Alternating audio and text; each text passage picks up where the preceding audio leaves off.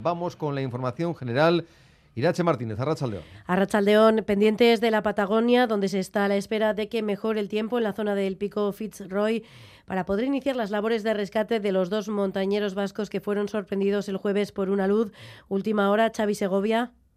Sí, los equipos de salvamento de Argentina siguen a la espera de que mejore el tiempo para comenzar el rescate. Marian Elorza, secretaria de Acción Exterior de Euskadi siguen desaparecidos. Existe un grupo de rescatistas preparado y además un helicóptero a disposición preparado para salir en cualquier momento. Sin embargo, las condiciones de la zona en este momento hacen eh, que el rescate no sea posible por su peligrosidad. El presidente de la Federación Vasca de Montañismo, Sigor Eguía, añadía que están dispuestos a colaborar con Josu Linaza, el superviviente, y otros montañeros vascos en la zona, pero advierte de la gravedad de la situación. Todo ocurría por una avalancha. Estaban eh, rapelando, estaban ahí pues recogiendo un poco las, las, cuerdas de ese rappel y tal, y en ese momento es cuando les, les cae una, una luz bastante grande y arrastra a Maya y a, a la grieta, les mete en la grieta y encima pues les tapa, ¿no?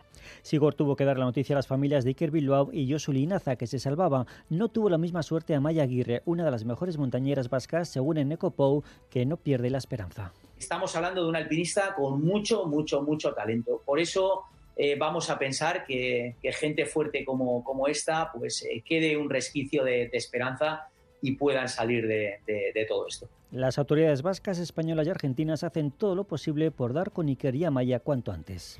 Y aquí en casa el gobierno vasco recomienda evitar las salidas al monte durante este fin de semana por las situaciones de peligro que pudieran surgir debido a la presencia de placas de hielo en la superficie de la capa de nieve.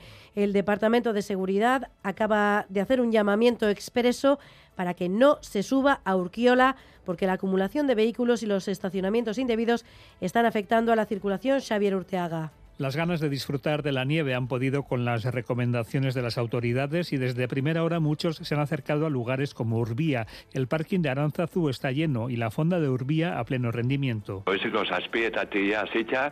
kotxe pilia karabanak emuten eguen. Gu pasatu ga goizo geha, goizeko, oguiakin goizeko zazpia kaldea, eta da, ya karabanak da bazalen aurreko gunetik erauta. Desde la fonda, Nayara señala que el hielo obliga a moverse con precaución entre Aranzazu y Urbía. El acceso al monte Ezcorri es más complicado. Bastante ondo dago. Hemen gora Izkorrira juteko, a pixka, ba, prepauta en Navarra, la Policía Foral regula los accesos a lugares como el santuario de San Miguel de Aralar para evitar problemas. Miquel trabaja en el restaurante del santuario.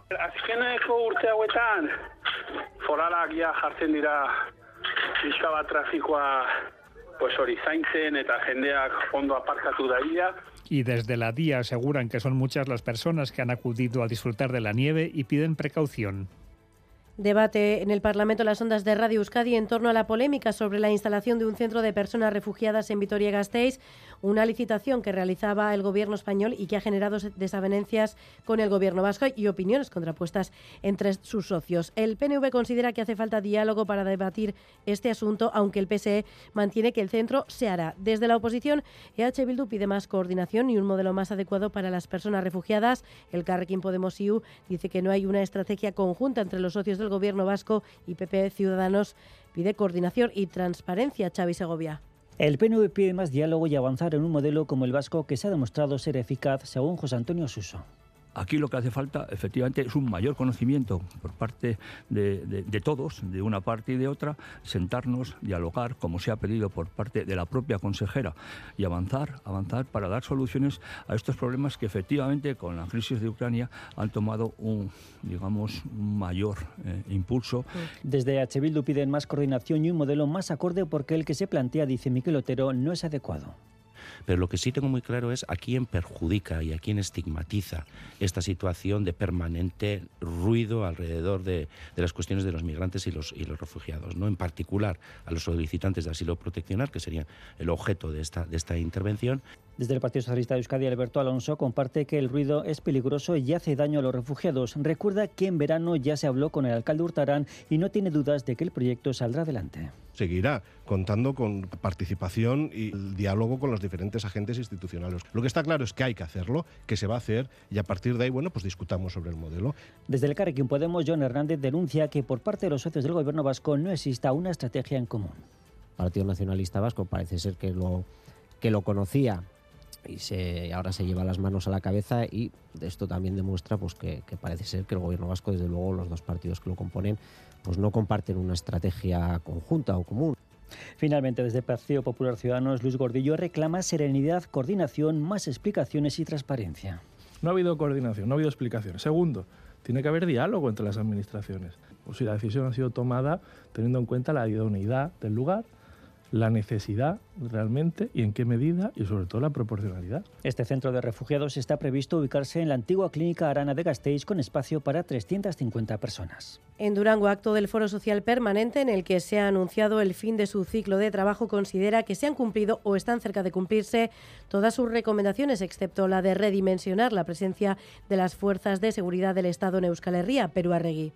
Las 17 entidades y las personas que forman el foro subrayan que la colectividad y la pluralidad de la misma han sido claves para sus logros. Agustín Hernán, portavoz. Pues que las recomendaciones en torno a la disolución de, a la, al desarme civil de ETA, a la disolución a presos, víctimas, memoria y verdad, eh, están cumplidas o en vías de cumplirse.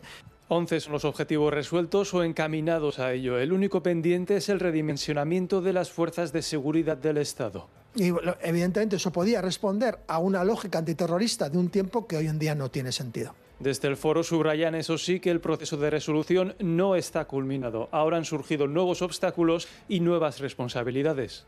Entendemos que la responsabilidad fundamental corresponde a las instituciones, a seguir implementando políticas públicas. La segunda corresponde a los partidos políticos, que sustentan las instituciones, que puedan, que puedan eh, adecuar los consensos ya construidos a esta, nueva, a esta nueva fase. Pero sí entendemos también que, como se ha demostrado desde 2013, la sociedad civil ha tenido un papel fundamental para en los momentos en los que el motor se gripaba, entre los nuevos desafíos se encuentran, entre otros, terminar con las discriminaciones en el trato a las diferentes víctimas o integrar la realidad de las personas huidas y deportadas en la agenda de resolución. El sexto y último foro se celebrará en marzo, en el décimo aniversario del mismo. Hoy además ha habido actos de precampaña de todos los partidos. Eder Carrero, Arrachaldeón. Arrachaldeón sí, en la carrera a las elecciones del próximo mes de mayo, el PNV ha celebrado hoy en Guecho un acto para presentar las candidaturas municipales y forales. Ichaso Atucha, presidenta del Vizcay Burubachar, ha mostrado todo su apoyo a los y las candidatas. Elizabeth Echanove, candidata a diputada general, ha destacado el orgullo de poder convertirse en la primera mujer en el cargo. Muestra inequívoca de que en este partido las mujeres siempre hemos desempeñado un papel fundamental y en Durango Euskal Bildu ha convocado la asamblea de candidatos a las elecciones para definir la estrategia. Iker Casanova, candidato a diputado general, habla de alternativa ganadora y dice que el actual gobierno foral no responde a lo que pide la ciudadanía.